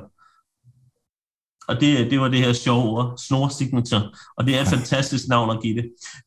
Meget, meget enkelt. Så, så det, det egentlig gør, det er, at i en transaktion, der, der, man, lige nu, eller før den her, der kunne man se, hvad de forskellige transaktioner var for. Det vil sige, at det kunne være en meget, meget enkel transaktion. Jakob sender bitcoin til Mathias. Den har en slags måde at vise det på. Eller at det er en multisig transaktion, det vil sige, at det er en, en transaktion, vi alle tre ejer, og vi alle tre skal acceptere for at sende den. Den har en anden måde at vise det på. Eller det kunne være, at, at øh, du, Mads, lavede en Lightning-transaktion, øh, eller du vil sætte en Lightning-node op til at lave Lightning-transaktioner, det vil vise noget... Det gør jeg helt måde. sikkert ikke. Det gør du helt sikkert ikke. Det, det kan jeg fortælle dig, når vi gør det podcasten, hvordan man gør det. Men, men det, det, grunden til, at Snore Signature var god, det er fordi, at i stedet for, at man ligesom kan gå ind og analysere blockchain og se, okay, hvad er det, hvem gør hvad, og hvordan gør de det, så kan man ligesom øh, blande alle de her signaturer sammen, så, så det kun vises på en måde. Det vil sige, at i stedet for, at jeg kan gå ind og se, hvad Mathias laver, om han har brugt en multisig med tre andre øh, brugere, og så kan jeg analysere på det, men så kan jeg kun se, at der er en transaktion nu. Så det øger den her privacy, som Bitcoin selvfølgelig går meget, meget op i. Det gør ikke, at der er ultimativ privacy, og, og man ikke kan tracke alle mulige adresser osv., men det øger ligesom måden, at, at det øger den her øh, privacy i, i blockchainen. På dansk, hvad, hvad, hvad er bitcoin så blevet, altså hvordan er det blevet bedre nu? Jamen, det, det bliver bedre på den måde, at du har større privacy, og du har mere sikkerhed. Det, det er egentlig, hvis Snor Signature gør. Okay. Øhm, der, er, der er også kommet en anden funktion, det var flere funktioner, øh, og igen, vi holder det meget simpelt nu. Der er kommet en anden funktion, også i Taproot-opdateringen, øh, øh, og det er en Bitcoin-script, der gør, at øh, den fungerer sammen med Snor Signature, og så er det en måde, hvor at vi kan begynde at tænke over at lave smart contracts. Vi kan begynde at tænke over, at vi kan bruge Bitcoins blockchain til andre ting end kun værdioverførsel af Bitcoin. Um, så det er egentlig en måde at udvikle blockchain på. Um, og hvad vi også kommer tilbage til, så er Bitcoins blockchain er den langsomste udviklende mm. blockchain for nu. Så det går ekstremt lang tid. Man kan sige, at uh, fra sidste store opdatering, som skete 1. august 2017, er det her den næste opdatering. Så der er gået fire år imellem de her to opdateringer. Så det går ikke særlig hurtigt. Til gengæld er den ekstremt sikker og decentraliseret, øh, den her blockchain her. Så det er simpelthen, hvad Taproot er. Og, og for den almindelige menneske, så er det her jo ikke noget, du kommer ikke til at sige, jeg vil gerne bruge Taproot, eller jeg vil gerne bruge Snore Signature, eller noget andet. Det her, det er noget, der ligger bagved øhm, øh, funktionerne. Jakob, jeg synes, du var, øh, jeg synes, du var god til at forklare det. Det er mit hoved spænder lidt nu, men, øh, men det, er, det er fair nok. Det, det, det skal, der skal heller ikke så meget til, efter jeg er blevet 40. Nej, det, det er, men, men det, er jo, det er jo klart, at det, det, bliver, det bliver meget teknisk, øh, selvom at du prøvede ikke at gøre det teknisk. Og det er måske også en af de ting, som, som siger, at det er ikke noget, man skal lægge så meget værdi i. Man skal følge med i, hvornår de her øh, hvad hedder det nu, forbedringer kommer, som, som selvfølgelig godt kan blive afspejlet i kursen. Nu, da, da den her selve opdatering kom, så mig bekendt var det, var det mere eller mindre indregnet i, i den stigning, der allerede, der allerede kom. Øhm, så, så det er sådan lidt svært at holde, holde øje med tingene, men selvfølgelig er det godt at, at læse omkring de her, at, at det bliver mere sikkert, og der bliver opdateret, så, så man ikke skal, skal have de her øh, ting. Så, øh, så det, det er klart, at, øh, at, at det er en fordel at holde øje med det. Og det er simpelthen ja, ja. på den måde, at det minder om internettet i 1997, ikke? At, at når der er en, der begynder at forklare sådan rigtigt, hvad det er, det handler om, så, øhm, så står så står Mathias og jeg, så begynder, vores, så får, begynder vi at få ondt i hovedet og sådan noget, og så tænker vi, ah, det er nok noget fis, det der, på en eller anden Men måde. Men det er faktisk øh, den totalt rigtige analogi, og jeg har faktisk noget data fra 97 om, hvordan bitcoin øh, og internet i 97 svarer meget til hinanden. Men, men det er jo Altså, vi, vi, vi kan også snakke om mailsystemet. Der er ingen af os tre, der garanteret kan forklare, hvordan mail fungerer. Men vi ved bare, at det fungerer. Og, og om de opdaterer den mailfunktion, den klient, vi bruger, jamen det er jo ikke noget, vi opdager. Øhm, og det samme her. Men bare lige for at understrege, det her er en kæmpe opdatering. Altså det er en meget, meget vigtig skridt i Bitcoins blockchains udvikling. Men det er bare, bare på et niveau, der gør, at et, det er meget svært at forklare, og to, at det ikke er noget, man som almindelig bruger kommer til at lægge mærke til, i hvert fald nu, så kan det være, at der kommer nogle funktioner efterfølgende, som jo ikke er lavet endnu, eller i hvert fald ikke er aktiveret endnu, som kan være interessante. Men det her er jo helt nede i grundstenen af, hvad blockchainen laver. Jakob, lad os uh, lige uh, sparke bitcoin lidt til, uh, til hjørne, eller skifte ham ud med Ethereum, og så skal vi også lige have en opdatering på Ethereum, hvad, hvad der sker der. Jamen, Ethereum er, er jo inde i en interessant fase. Øhm, jeg ved, der er mange, hvad kan man sige, ikke kryptonørder, altså hedgefonde, family office, alle dem her, der er ekstremt interesserede i Ethereum for tiden, øh, mere end de har været før. Ethereum øh, går jo fra proof of work til proof of state. Øh, de laver den her Ethereum 2.0, og, og det er en spændende opdatering. Øh, man kan ikke sige, jeg vil sige, at den svarer lidt til den her Taproot-opdatering, men det gør den i virkeligheden slet ikke, for det her, det, de ændrer simpelthen fundamentalt på, hvordan Ethereums blockchain fungerer og den har været længe ventet. Uh, man kan også sige, kan, at... Kan du, også været... Undskyld, Jacob, kan du lige hurtigt forklare uh, POS og POW, bare lige sådan, så folk er med? Ja, det kan jeg egentlig meget, meget godt. Det, det er Bitcoin altid for, for smæk for, at uh, de bruger meget energi. Proof of work, det betyder, at du skal bevise, at du har lavet et stykke arbejde. Uh, det er det her, det her miner gør, for at få lov til at lave den næste blok i blockchainen. Så, så du skal bruge i Bitcoins tilfælde en masse strøm, for at lave nogle komplicerede matematikstykker. Når du så har fået svaret, så får du lov til at lave den næste blok i blockchainen. og så kan du sende den ud, og så kan alle andre ligesom sige, han har lavet det her arbejde, fordi det matematikstykke, han har lavet, det passer. Det er sådan, igen, meget, meget forsimplet udgave selvfølgelig. Så det er proof of work. Proof of stake er, er en anden måde. Proof of stake er egentlig bare, igen situationstegn, at du viser, at du er investeret i for eksempel Ethereum. Det vil sige, hvis du har 10 Ethereum, så kan du delegate den til den her pool her, og så kan du sige, jeg har 10 min 10, det er 0,0001% af den samlede pool, der er lavet, så derfor så får jeg 0,0001% af den her reward. Så du, i stedet for at du ligesom bruger en masse strøm, masse energi på at bevise, at du faktisk har arbejdet, så bruger du ligesom din investering til at bevise, at du er investeret. Øh, så det er meget, igen, meget forsimplet, hvad de to forskelle er. Øhm, og så kan man sige, hvorfor bruger vi ikke kun proof of stake? Fordi det er fantastisk ikke at bruge alt det strøm, og det har også nogle downside, øh, desværre, øh, som jeg ikke tænker, vi skal gå ind i her. Men det er de to øh, forskelle. Øhm, og Ethereum er jo så gået, eller er ved at gå fra proof of work til proof of stake. Øhm, og det har været en længe ventet opdatering, og de har været lang tid om at gøre det, øhm, og de er stadig ikke færdige med det.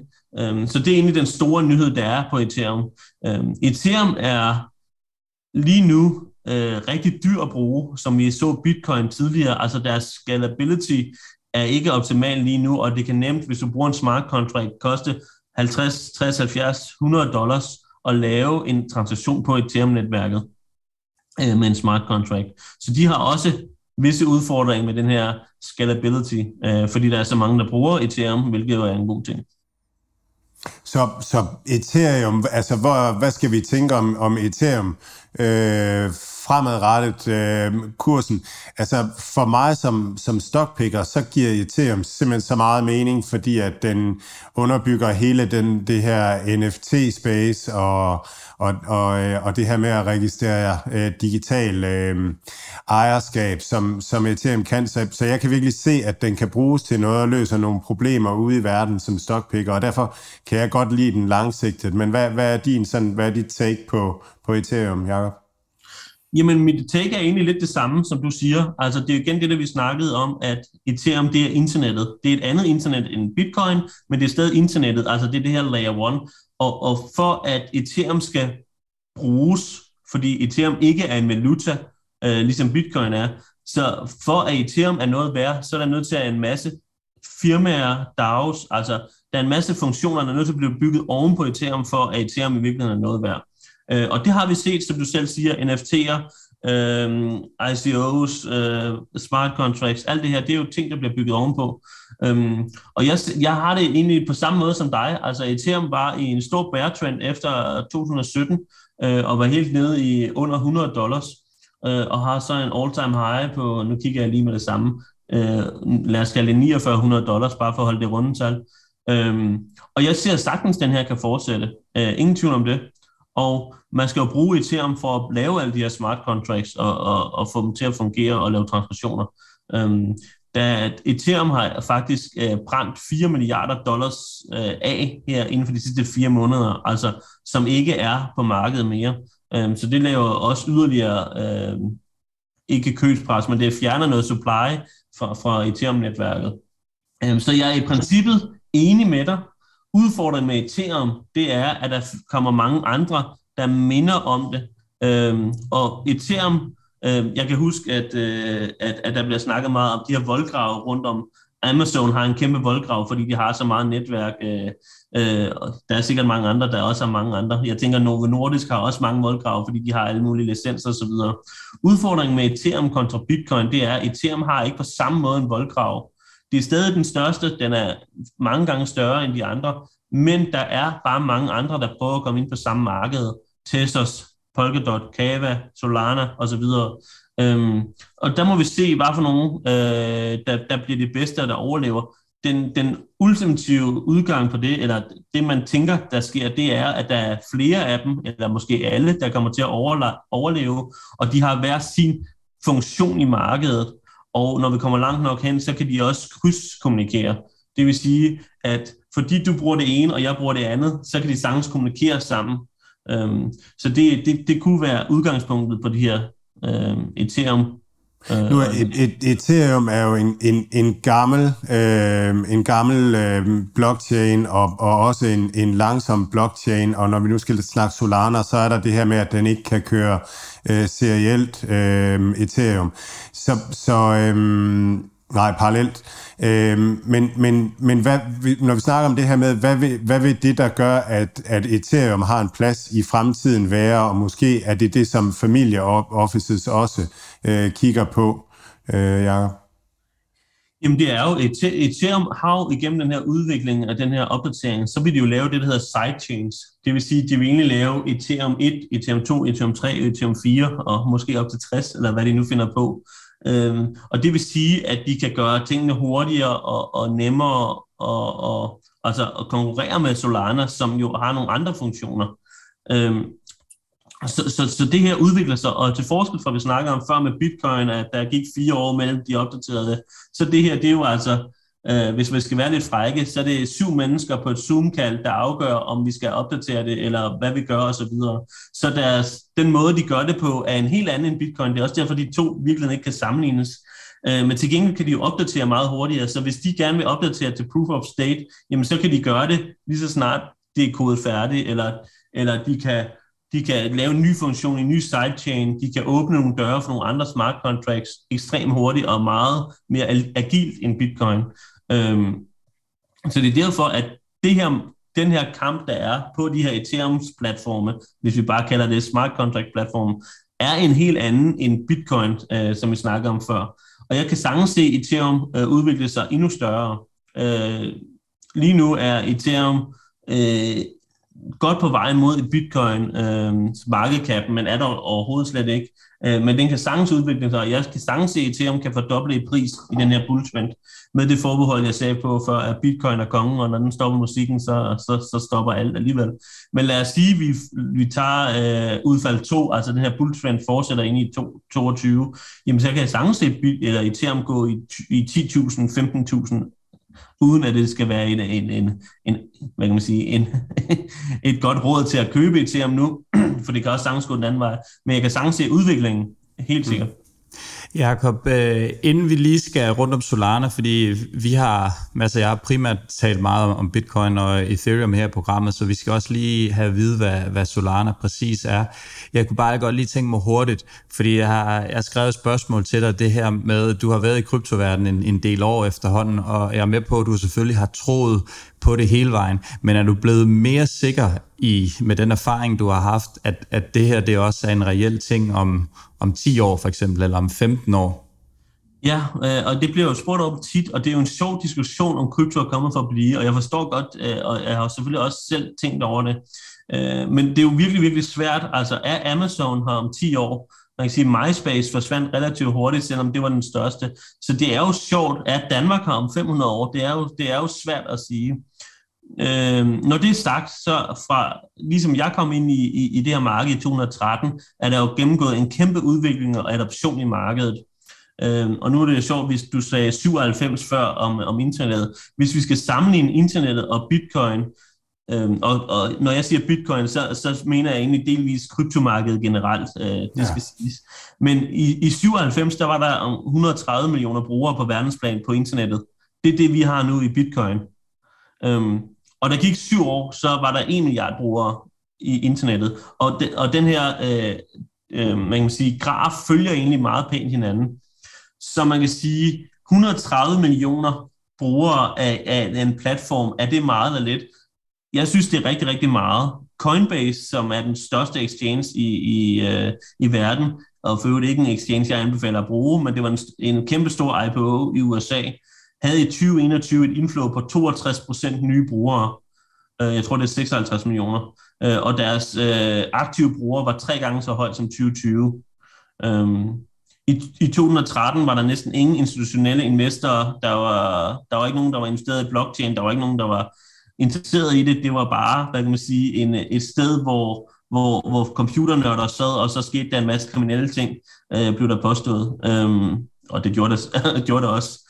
Øh, men der har været et kæmpe inflow, både i 2016 og 2017, øh, og, og et kæmpe inflow nu i 20 og 2021. 16 procent af alle amerikanere siger, at de har holdt, investeret eller traded krypto Det er også rigtig mange. Øh, der er en påstand om, at hvis du til næste øh, valg i USA ikke synes, krypto er en god idé, så får du det nok hårdt med at få stemmer fra de unge. Øh, 43 procent af de unge mellem 18 og 29 igen i USA øh, har, har haft krypto. Øhm, så, så jeg synes, jeg så en dansk aktiefond skrive, at øh, de troede, krypto var et modefænomen, og de ikke ønsker at investere i det. Og man kan sige, det sidste, de siger, altså de ikke ønsker at investere i det, er en smagssag. Det kan være, at man ikke har, har lyst til at lære om det, det kan være, at risikoen er forkert osv. Det kan man kun respektere jo, at man ikke synes det. det. Men altså, det kan være, at det er mig, der er bias eller blind, men at kalde det en modefænomen nu, synes jeg er fejlskudt. Øhm, Bitcoin er den syvende, hvis vi kigger på en market cap, er Bitcoin den syvende største øh, virksomhed, hvis vi skulle sammenligne det med virksomheder øh, i verden. Den er større end Facebook for eksempel. Ethereum er nummer 15. Øh, ja, hvis vi snakker hele kryptomarkedet, er, er kryptomarkedet nummer to øh, størst. Øh, om 20, hvis bitcoin stiger 20% herfra, så er den større end sølv. Alt sølv, værdien af alt sølv i verden, der er bitcoin større end. Øh, det har 10% af guldmarkedets market cap. Øh, så, så, så at sige, det er et modefænomen, eller at sige, det er noget, der forsvinder, synes jeg, det kunne man have sagt i 13. Man kunne delvis have sagt det i 15-16. Men at sige det nu, altså, jeg synes, det begynder at blive en lille smule hul, for at være helt, helt ærlig, med alle de banker, alle de rige mennesker, alle de politikere, stater, der går ind i det, så, så synes jeg, vi er over det punkt. Er der stadig kæmpe risiko? 100% Skal man lære om det og risikostyre og, og styre sin portefølje og skal man investere alt i bitcoin? Nej, selvfølgelig skal man ikke det. Altså, man skal tænke sig om, men at, men at tro, at det forsvinder, det, det, det synes jeg er fejlskudt. Så det var mit lange rant. det, det, det, var, det, det, var, det var helt fint, Jacob. Vi skal lige have din 20 cent of, uh, of Solana, inden vi, uh, vi lukker af. Øh, jeg tror igen, folk er med på, at det er så den her, som du også har nævnt, Ethereum-konkurrent uh, til, til særdeles uh, effektivt til, til en del betaling, som jeg har forstået det. Der er en del af de her, uh, hvad hedder det nu, netværk, der der er blandt andet en engelsk musiktjeneste, så hvor man kan betale kunstnerne i, i Solana og noget, og nok også en af de bedst performende cryptocurrencies, i hvert fald er de større inden for det, for det seneste år. Hvad, kan du sætte på ord på den sådan generelt? Ja, altså det, det er jo sjovt, fordi grunden til, at vi snakker om den, er mit gæt, det er jo, fordi den er steget meget, øh, og mm. det er jo mm. meget typisk. Helt, helt kort er Solana en, en, en smart contract platform, eller hvad man kalder en Ethereum killer. Altså, de to er ligesom konkurrenter. Den er ikke rigtig en konkurrent til Bitcoin. Det er i, i, i smart contract, øh, hvad kan man sige, øhm, øh, kategorien. Øh, det, man skal være opmærksom på med Solana, fordi det er rigtigt, det, alt det, du siger, de er meget hurtige, det er meget billige osv. Alle blockchains har en god snude, der har tre punkter. Det er hastighed, det er decentralisering, og det er sikkerhed. Og det er det, alle prøver at løse. Bitcoin løser det ved at sige, okay, vi vil gerne have høj sikkerhed, vi vil gerne have høj decentralisering. Hastighed er ikke lige så vigtigt for os på layer 1. Øhm, man kan sige, Solana er gået en anden vej. De har sagt, vi vil gerne have høj hastighed, og vi vil gerne have sikkerhed, men decentralisering er ikke lige så vigtigt for os. Og man kan sige, på den måde kan man jo vælge at vrage, hvad der en går op, eller hvad man synes er, er, er bedst. Fordi det er jo, i princippet er det jo ikke hurtigt at skabe en, eller er det ikke svært at skabe en database, der er hurtig.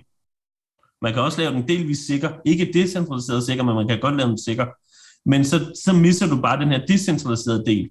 Så, så at sige, at det ene er bedre end det andet, er Solana bedre end Ethereum? Godt spørgsmål.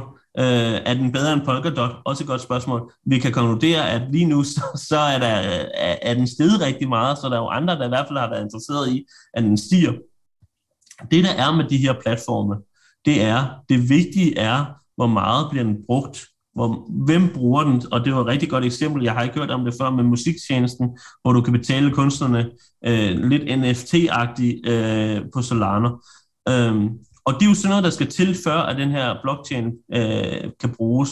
Og deres, dem man kan sige, dem der har skabt den, og, og, og hele det team, deres øh, opgave, det er jo sådan rent marketingsmæssigt, er jo at overbevise folk om, at de har den bedste løsning på udfordringerne i markedet. Øh, jeg er cryptohead og startede 2013, så jeg ser decentralisering som det ultimative vigtigste. Fordi hvis vi ikke har det, så kan vi lige så godt bare bruge Spotify. Det er min holdning. Øh, ikke at jeg siger, at Solana ikke kan være en god investering, men mm, så man skal bare være med på, at dem, der siger, at de har løst alle tre udfordringerne, de lyver som regel. Eller jeg har i hvert fald ikke set løsningen endnu, selvom der er mange, der har sagt, at de har gjort det. Øhm, Jakob, øh, øh, Solana er, altså den, den er, den er væsentligt hurtigere. Den, den arbejder med, med, med proof, uh, proof of history.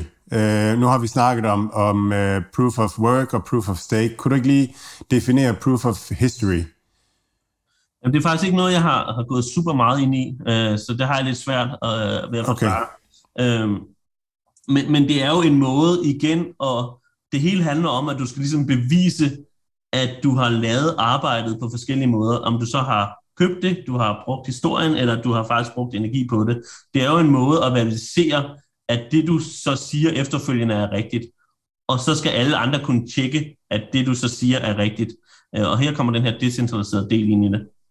Okay, så, så tænker, du, uh, tænker du, at vi skal, altså tænker du, at sol, nu skal du lige have, have hånden på kogepladen her, inden vi runder af. Solana, er det, um, tænker du, at, at man skal passe på her, eller, eller, eller tænker du, at, at uh, man kan springe på? Som udgangspunkt tænker jeg altid, at man skal passe på på noget, der er gået meget op. Uh, om ja. det hedder Bitcoin, uh, Tesla, Solana eller, eller uh, Rolex-ure, så, så er det sådan set ligegyldigt. Det, der er afgørende for de her platforme her, det er det, der hedder TVL. Altså det er værdien, der er logget ind i øh, markedet øh, på de her, hver af de her exchanges. Øh, eller ikke exchanges, undskyld, men hvad er de her øh, coins, Proto- de her layer 1? Protokoller, ja. Protokoller, ja. Især de her smart contract protokoller. Øh, og man kan sige, Solanas TVL, sidste gang jeg tjekkede, minder om noget, som Ethereum havde, inden den gik rigtig, rigtig højt op. Øhm, så, så, så jeg afviser slet ikke, at den kan stige meget, meget mere. Øh, nu har jeg ikke market cap foran mig, men det man også skal være opmærksom på, det er, som udgangspunkt bruger jeg ikke market cap til specielt meget, udover at sige, okay, hvis den her er her, så kan den her måske komme op til det her sted her. Det, man skal være opmærksom på, det er, øh, som vi så i 2017, man skal være opmærksom på, hvis noget er på 100 milliarder, så stiger det nok ikke 1000 x mere, fordi så har det overtaget al værdi i verden. Øh, så det kommer nok ikke til at ske. Øh, så, så udgangspunktet er jeg positiv over for Solana. Øh, det er jeg. Øh, men man skal stadig være opmærksom, og som jeg snakker om tusind gange, det, det handler om risiko. Hvis du har 20.000 kroner, skal du så investere 20.000 i Solana? Det er nok ikke øh, min anbefaling herfra, nej. Øh. Jakob, det har været fantastisk at, at have dig med. Det er virkelig, virkelig interessant og, og super takes øh, på det. Så interessant at høre altså også hørt at netop det der med, at du har det der, du har din trader-baggrund øh, fuldstændig inkorporeret i din, i din tænkning. Det er, det er super inspirerende og super sundt, tror jeg, i sådan noget, der er så, så volatilt. Øh, men tusind tak for, for et, et super fedt øh, bidrag her til vores lille univers. Ja, men øh, selv tak. Håber, I kunne øh, bruge det. Og hvor, hvor kan, man, kan man finde dig nogle steder derude? Ja, men jeg, øhm. jeg er jo på Twitter. Uh, en af de spørgsmål, I sendte til mig inden, var jo, hvor, uh, hvad kan man holde øje med, hvis man, uh, hvor skal man holde øje? Uh, og der kan jeg da lige nævne, både at jeg selv er på Twitter, men også at, uh, at Twitter er stedet. Altså det er der, hvor alt udgangspunkt for mig er. Uh, selvom det lyder lidt poppet, uh, så er det ikke kun journalister med hornbriller, uh, der er på Twitter. Uh, det er også crypto guys. Perfekt, Jacob. Tusind tak for din deltagelse. Det var så lidt. Tak for i dag. Man kunne bare snakke med Jakob i timevis og, og, og høre om, øh, om krypto og, og, og blive klogere på det. Det er simpelthen så spændende. Hvad, hvad tager du med, Mathias? Ja, jeg var meget, jeg var, det var faktisk lige præcis det, jeg skulle til at sige. Jeg, jeg synes, det er helt vildt fedt at, øh, at, at lære af, af nogen, som har styr på det og bruger al deres, øh, deres vågne tid på at, øh, at kigge, kigge ind i det her. Øh, ja, det øh, Jacob er jo festlig fyr, og, og tiden den, den fløj endnu en gang afsted, når vi lavede det her interview. Det var, det var, det var den klassiske øh, pitch på en halv time, og så blev det vist 50 minutter. Så, så alt er ved det gamle, ja, og, og som du siger, man, man kan bare sidde og, og lappe i sig og, og blive klogere med, med omkring de her, øh, de her stændige farver nye verden, hvis man kan kalde det sådan. Så jeg synes bare, det var, ja, det var bare god underholdning for mig, for at være helt ærlig. Øhm, så øh, hvad, hvad, hvad tager du med? Øhm, jamen, jeg, jeg, der, der er en, der hedder Carlotta Perez, som er en øh, engelsk øh, økonom, som har sådan en, øh, en teori omkring øh, business øh, cycles. Hun, øh, hun kalder det Technological Revolutions and Financial Capital, The Dynamics of Bubbles and Golden Ages. Øh, og, og hun var ude omkring øh, IT-boblen og, og sådan beskrive, hvordan ny teknologi sådan øh, implementeres. Øhm, og den sidste sådan teknologiske øh, revolution, vi har haft, det var, det var IT og telekommunikation, og det startede i 1970, og så havde vi en boble der ved IT-boblen. Og det beskrev hun egentlig sådan, at, at sådan kører det tit. Øhm, og, og hun beskriver sådan to faser, der, der, hvor den første fase tit slutter med en boble. Og det er sådan implementationsfasen, hvor at, at, at ny teknologi begynder at erstatte gammel teknologi og disrupter øh, gammel teknologi. Og så lige pludselig så tror man, at IT bliver løsningen på alt. Altså det der EDB noget, som man havde der tilbage i 2002. At det bliver bare løsningen på alt, og så vokser det ind i himlen, og så, så kommer der et bust. Men så kommer øh, udrulningsfasen, og der, øh, der, det, er, det er den fase, vi har været igennem siden IT-boblen de sidste 20 år, hvor digital sådan, øh, bliver brugt til mere mere og mere, og begynder at, og, øh, at, at fungere rigtig meget i samfundet, og begynder også at optimere samfundet. Øhm, og det jeg egentlig ville sammenligne med, det var, og jeg var sådan lidt på vej til det under interviewet, det var, at krypto kunne være sådan den næste øh, teknologi, blockchain-teknologi, og at, at det kunne være, at vi skulle have sådan en boble om et par år. Og så hørte jeg lige her i eftermiddag et interview med hende, eller sådan en, en, en keynote speak med hende, hvor, hvor det egentlig gik op for mig, at, at hun mener ikke, at krypto øh, og artificial intelligence og sådan noget er en øh, teknologisk revolution. Hun mener, at det er en øh, revolutionerende teknologi, men ikke sådan, at, at verden og samfundet ændrer sig. Det er bare noget nyt og smart, men det er alt sammen en led i, øh, i den her øh, teknologiske spring, som, som IT og telekommunikation er. Hun forventer egentlig, at det fortsætter sådan en, en 10-20 år endnu, og at, at øh, krypto og AI og sådan noget bliver, bliver en del af det. Så, øh, så, så den sammenligning, jeg, jeg vil lave, passer egentlig ikke helt rigtigt. Men jeg synes godt, man kan drage en parallel med det der med, at at, at måske kommer der et tidspunkt, hvor alle bliver enige om, at at blockchain er løsningen på alt, og så får vi den der parabolske fase, som, øh, som Jakob snakkede om, og, og så ud.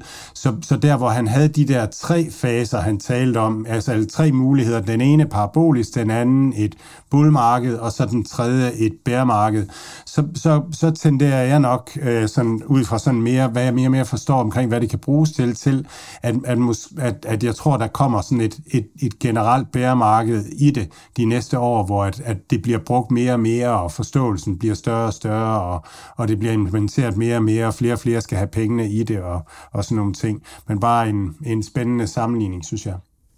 Helt sikkert. Mads, øh, lad os lige komme lidt videre og rykke over til øh, ja, noget, vi øh, pt. bruger lige nu, Zoom, og øh, et, et Zoom-regnskab, som, øh, som du har kigget lidt, øh, lidt nærmere på. Hvordan, øh, hvordan så det ud?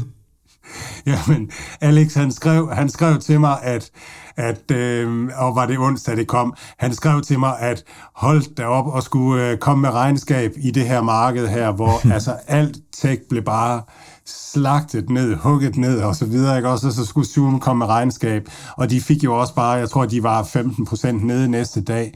Øhm, det, der er med Zoom, det er, at, at den der platform, som vi bruger nu, øh, som man bare kan bruge og sådan nogle ting, øh, eller betale et lille abonnement på, den, øh, den er ikke i særlig, den er vækster ikke særlig meget. Og det er sådan, det er der, de starter med at få folk ind. Det, der kører godt øh, lige nu, det er, det er deres business øh, solutions, hvor de har øh, Zoom Phone og Zoom Conference Room og, og sådan alle de her løsninger til, øh, til, til virksomheder. Og det går egentlig meget godt og sådan nogle ting, men der kommer ikke så mange nye brugere ind. Og det er så derfor, at, at reaktionen blev så voldsom her i dag, hvor, hvor der lige pludselig er coronaepidemi, fordi det bliver ligesom gratis markedsføring for, for Zoom igen, hvor de kan få gang i de her øh, almindelige abonnementer, få nogle almindelige mennesker ind. Det, der var meget snak om på, øh, på earnings call, og som, som jeg synes, at øh, det er tydeligt, at analytikerne bliver mere og mere opmærksom på det, det er, at, at Zoom er et metaverse play.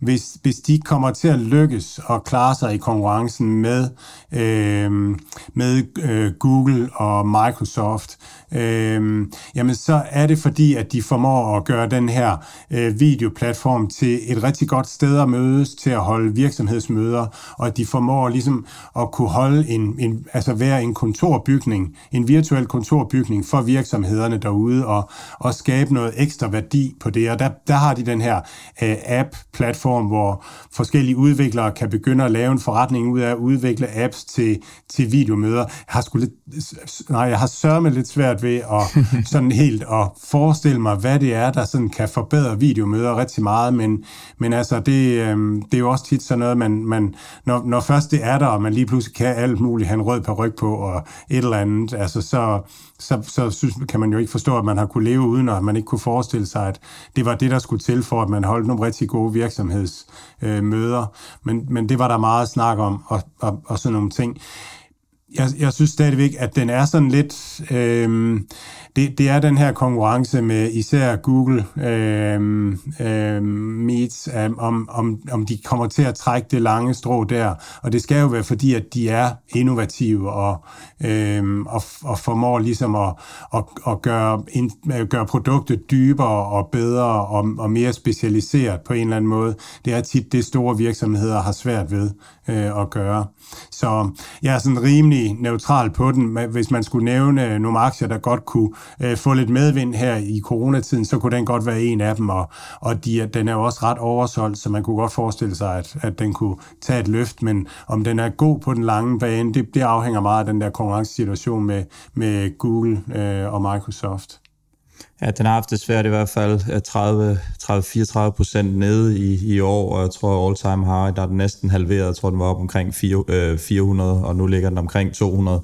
Så øh, ja, det, det, er svært at, det er svært at se, men jeg, jeg tænker også bare, at, at Zoom jo allerede er så integreret ved os alle sammen. Der er ikke mange, øh, der, ikke, der ikke allerede bruger, øh, der ikke allerede bruger Zoom og de her ting, så det er måske ligesom, at de skal, de skal finde på noget nyt, og, og Microsoft med deres teams har også bare været super skarpe, og de formår bare at og, og trække rigtig mange kunder ind i butikken. Så det er sådan, ja, det er det der spil, hvor øh, hvad, hvad, hvad, skal de, hvad skal de sådan, hvordan skal de udvikle sig og, og få, få flere, flere kunder ind i butikken og få folk til at bruge øh, flere penge på, på annoncer og så videre. Så øh, ja, men øh, spændende at holde øje med den i hvert fald.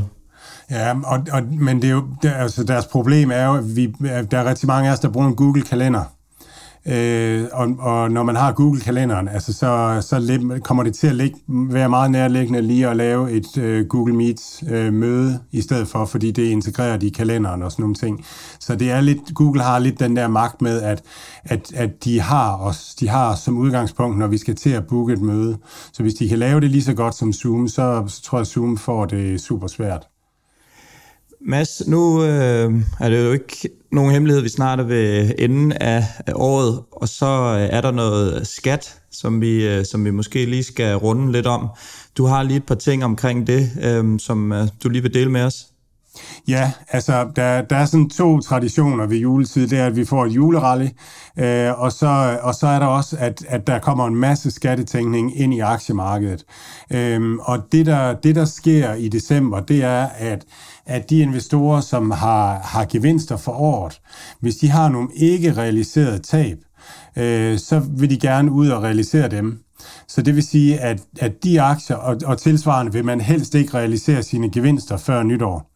Øh, der er man helst lige ind i det nye år, for så kan man skubbe skatten øh, et år øh, på gevinsten. Så det betyder, at, at i december tenderer de aktier, der har klaret sig godt i årets løb, til at klare sig forholdsvis bedre end, end de aktier, der ikke har klaret sig særlig godt.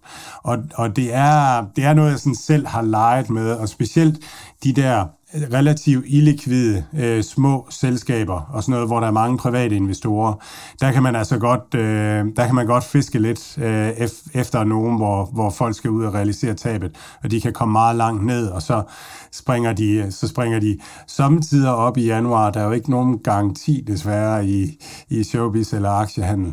Så øh, ja, så, så det er sådan det er december-temaet. Er, det, er der nogle speci- specifikke aktier, som du kigger lidt nærmere til, hvis de dykker lidt mere, at du samler dem op? Nej, jeg har, jeg har faktisk ikke sådan selv øh, kigget ind i det, um, øh, men, det, men det er nu her, at man skal begynde, og man skal være lidt på forkant med det. Hvis, hvis man har nogle tab, man gerne vil have realiseret, så kan det godt være godt at, at, at komme ud lidt før, specielt hvis det er de her små illikvide aktier, så kan man øh, realisere tabet nu, og så kan man måske være heldig at købe dem øh, billigere senere, fordi der er mange, der skal ud og lave den samme øvelse øh, og, og tilsvarende dem, der, dem, der er, er, er stærke for dem skal man overveje, man, man vil sælge. Så, øh, ja, så det, det er bare bedre at være, være lidt proaktiv og være lidt foran markedet, end at, end at være bag ved markedet. Så, øhm, men altså, markedet vil jo bare en retning lige nu, så man skal bare, man skal bare blive ude, og så, og så købe op, når det begynder at stige. Er det ikke sådan, er det ikke sådan man siger? Det, det vil i hvert fald være, være dejligt. Så vi må lige få et signal om, hvornår det er færdigt med at falde, så man kan så købe ind. Det kunne være dejligt, hvis man lige kunne slå det op på internettet. Ikke? Øhm, men Mads, lad os lige blive lidt i, øh, i samme, øh, samme spor, fordi jeg kunne faktisk godt tænke dig at høre nu her, øh, når vi forhåbentlig er, er kommet ud af tyfonen, og, og markederne er, er kommet ned og, og forhåbentlig skal op igen de her aktier, som har fået mange tæsk, eller nogle nye aktier, hvis, hvis jeg gav dig øh, lidt penge, og du så skulle kigge på en, en to-tre aktier, hvilke vil du så vælge? Vil du købe nogle op i nogle af dem, som du allerede har, som, øh, som er faldet, og som du måske har et tab på, eller er der nogle nye, som du vil, øh, som du vil fiske? Ej, ja, altså, jeg vil helt klart kigge på noget af det, som jeg synes var for billigt i forvejen, og meget oversolgt, og hvor man så kan sige, at, at når der så kommer efterspørgsel ind, så Altså, så, så, øh, og, og det har corona medvind, og der synes jeg helt klart, Peloton er, er en af dem. Og så synes jeg også, Meal Kit-aktierne øh, helt klart er, er nogle af dem. Øh, Hello Fresh Group går jo bare rigtig, rigtig godt, men den er faktisk stadigvæk relativt billig på fundamentalerne i forhold til, hvor meget vækst, øh, som, som, øh, ja, som, som mange forventer i hvert fald. Øh, den handler til en price sales på 2,5-3 stykker, sådan et eller andet. Og det er ret billigt, øh, fordi den kører med overskud. Og så er der Marley Spoon i, i Australien, som bare er fuldstændig øh, skåret ned. Øhm, og, og så er der Good Food i øh, Canada. Det er nogle af de aktier, der, der sådan bare helt simpelt, øh, lavpraktisk får medvind, fordi at vi skal til at bære mundbind ned i supermarkedet, og det gider vi ikke, og, og sådan noget, eller, eller nogen er bange for at gå ned i supermarkederne, hvor andre mennesker er, og sådan noget. Det, så, så det, det tror jeg kan være godt. Og så var der også sidst, øh, det, noget af det, der steg først øh, sidst, der var corona, det var gaming-aktierne, hvor, hvor markedet fik øjnene op for, at, at øh, gaming-aktierne var egentlig øh, var, var positivt påvirket af corona. Øh, så hvis det kører efter den samme drejebog som sidst, jamen, så bliver det gaming-aktierne også, der skal, der skal op nu først. Øh, og så kommer de digitale platforme også senere. Jeg vil sige, C-Limited står egentlig stærkere øh, nu øh, end, end, end sidst. De, er, de har gang i en masse food delivery og også har fået udbygget deres egen logistik væsentligt mere i løbet af det sidste års tid, så, så det burde teoretisk set stille dem øh, stærkere, og de har haft den her korrektion. Mercado Libre har også haft en ret kraftig korrektion, så øh, der er det med Mercado Libre, at der kommer det her brasilianske valg, som, som øh, vores ven han talte om, så Ja, så, så den er jeg sådan øh, en lille smule øh, bekymret for. Men det er nok det er nok dem, jeg vil øh, sådan umiddelbart vil kigge til. Det er sådan lidt kedeligt, det er de sædvanlige travere. Men, men det er dem, der sådan er slået ned, og, og dem, hvor, hvor man kan sige, så, så er bunden måske nået nu, øh, fordi at, at coronaen kom igen. Jeg tror for, for mit vedkommende, der, der vil jeg jeg har altid været lidt småforelsket i Snap, selvom at jeg er blevet for gammel til selv at bruge appen. Jeg, øh, det her, som vi har snakket om nogle gange med, øh, med at, at de har samarbejdet med de her øh, high-end brands og sådan nogle ting, og har fan, fat i den unge, unge generation, som, som på et eller andet tidspunkt bliver mere købestærk og sådan nogle. Det eneste, der bekymrer mig lidt, det var, at, de ikke, at ledelsen ikke var så forudseende med, med hvad hedder det nu, opdatering på, på Apples uh, telefon, eller styresystem, som, som gjorde, at den faldt så ufattelig meget på, på regnskabet. Det, det, det, det, det synes jeg virker som om, at ledelsen måske ikke er helt skarp, men det kan godt være, at, at det, det, ikke, det ikke har sin rigtighed. Men uh, det var i hvert fald voldsomt, at de ikke havde, de ikke havde set det. Men jeg synes, Snap er, er spændende i, øh, i det her niveau. Ja, men helt enig, og helt enig med dig med det med ledelsen, at, at den burde de nok have, have scoret lidt bedre, og, og næste kvartal bliver formentlig relativt svagt øh, fra Snap, øh, ud fra det, de sagde på earnings call. Der, der var noget specielt med Snap sidste, øh, altså ved coronaepidemien, at, at for dem var det egentlig ikke særlig godt, at folk blev hjemme, øh, fordi det er sådan en social app, hvor man deler det, man gør, og de har det der, jeg tror det hedder, nu er det jo dig, der bruger Snap, Mathias, men, men Snap Maps øh, og sådan noget, hvor man kan se, hvor ens, øh, hvor ens bodies de er henne, og, og, og, og sådan nogle ting. Så Snap er egentlig sådan, at den er noget, man bruger mere, mere, når man er sammen, eller noget, når man er sammen med andre mennesker også. Så corona er ikke nødvendigvis godt for engagement. Det er sikkert godt for, altså for brugen og, og e-handlen på, på Snap-platformen. Og så øh, vil jeg nok tage en, som øh, kan forestille mig, du er ved at trille ned af stolen nu, når jeg siger det her, men altså, jeg, jeg er blevet lidt varm på Alibaba, det må, det må jeg sige. De, øh, de har godt nok fået mange, øh, mange tæsk, og, og den er også i, jeg tror, all-time low lige i øjeblikket. Øh, og, og jeg ved bare fra, fra kinesiske venner og sådan nogle ting, at de, de sidder altså rigtig tungt på det derude. De, de bliver også ved med at poppe op i Indien, selvom at Indien og Kinas forhold er sådan lidt uh, tens, og, og, og det, det, det, virker, det virker voldsomt, så mange test den har fået, og den stadigvæk står på benene, det er lidt utroligt. Så øh, ja, jeg, jeg, tror, jeg, jeg tror, at på et eller andet tidspunkt, så, så stopper de med at, og, øh, og, og, og tyre den i jorden, og så, øh, så rejser den så, og så kommer det til at gå hurtigt lige pludselig, fordi det er, et, det er et velfungerende firma, og de har også investeret, som vi snakkede om, massivt i det her logistiknetværk i, i Kina og, og alt sådan noget, så jeg, jeg, tr- jeg tror, det er et fornuftigt køb, og, øh, og kineserne, ja, jo rigere de bliver, jo flere penge bruger de også, og der, der kommer altså en del igennem Alibabas system, så, så hen over en 5-10-årig periode vil jeg, vil jeg gerne holde den her aktie, det er ikke en, jeg har i øjeblikket. Og så tror jeg som måske en af de sidste, jamen så vil jeg gå med det, de safe bet. Øh, Amazon eventuelt, Microsoft er også stærke, eller, eller Google. Så det er sådan desværre lidt, øh, lidt kedeligt, men, øh, men øh, ja, jeg, jeg sover i hvert fald rigtig godt om natten ved at have de her aktier også selv på en, en dag som i dag, selvom at at porteføljen virkelig har taget tæsk, så, øh, så har jeg det egentlig helt fuldstændig ro i, uh, ro i maven ved at eje både ja, Microsoft, Apple, Google, Facebook, de her aktier her. Så uh, der skal jeg ingen steder derfra, og det kan også sagtens være, at jeg, jeg køber lidt mere op i dem her, uh, når, uh, når stormen lige har lagt sig. Ja, og, det, og man skal jo huske på, at verden er den samme. Altså, nej, det er den ikke. Der, der er corona derude i verden, og folk går med mundbind. Men, men ellers, ellers så er verden egentlig den samme, og når vi kommer ud på den anden side af det her, så er verden den samme.